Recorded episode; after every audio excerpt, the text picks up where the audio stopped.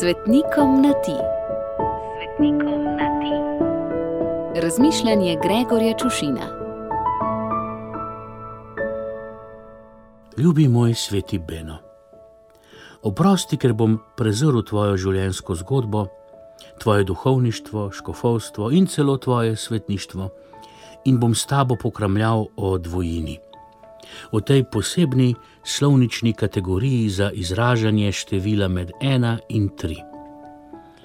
Jezik, v katerem se ta trenutek pogovarjam s tabo, slovenščina, je eden redkih jezikov, ki je ohranil to območje intime, kamor se človek zateče pred osamljenostjo ednine in gnečo množine.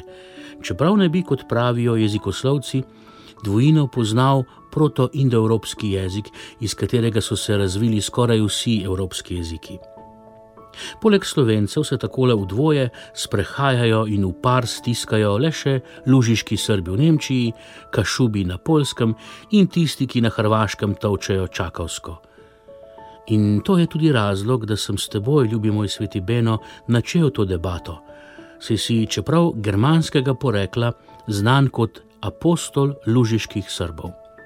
Ne vem, in če povem po pravici, me niti ne zanima, zakaj so se drugi narodi odrekli dvojini.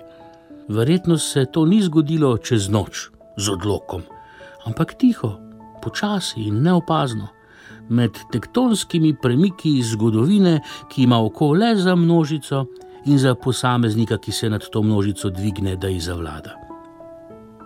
Vsi jeziki so lepi. Vsak jezik je lep, če ne drugim, pa tistemu, ki ga govori, ki ga ljubi in z ljubeznijo uporablja. Tako da govori o ljubezni, da ljubi. In me zato čudi, da je izginila dvojina, saj je to vendarle jezik ljubezni, jezik dveh, ki se ljubita, jezik največje intime.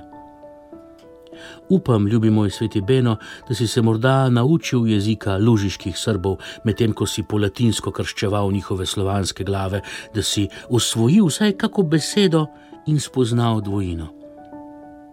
Če dobro pomislim, tako le na prvi pogled, krščanstvo dvojini res ni naklonjeno se s krstom neham biti posameznik in se vcepim v crkvu, v Kristusovo telo, kjer se izgubim v nepregledni množici verujočih angelov in svetnikov.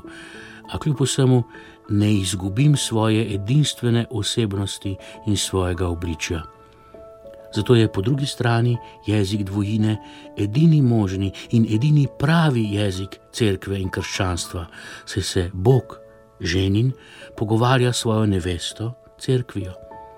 In največja ljubezen, najgloblja intima in najlepša dvojina sta prav zaljubljenca, ljubimca, ženin in nevesta, Bog in njegovi otroci, Bog in jaz.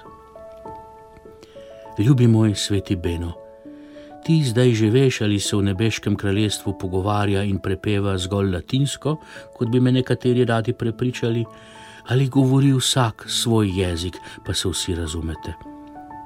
Prepričan pa sem, da če že z usti ne uporabljate dvojine, jo prav gotovo občutite in živite, ker je dvojina kategorija, ki pripada ljubezni.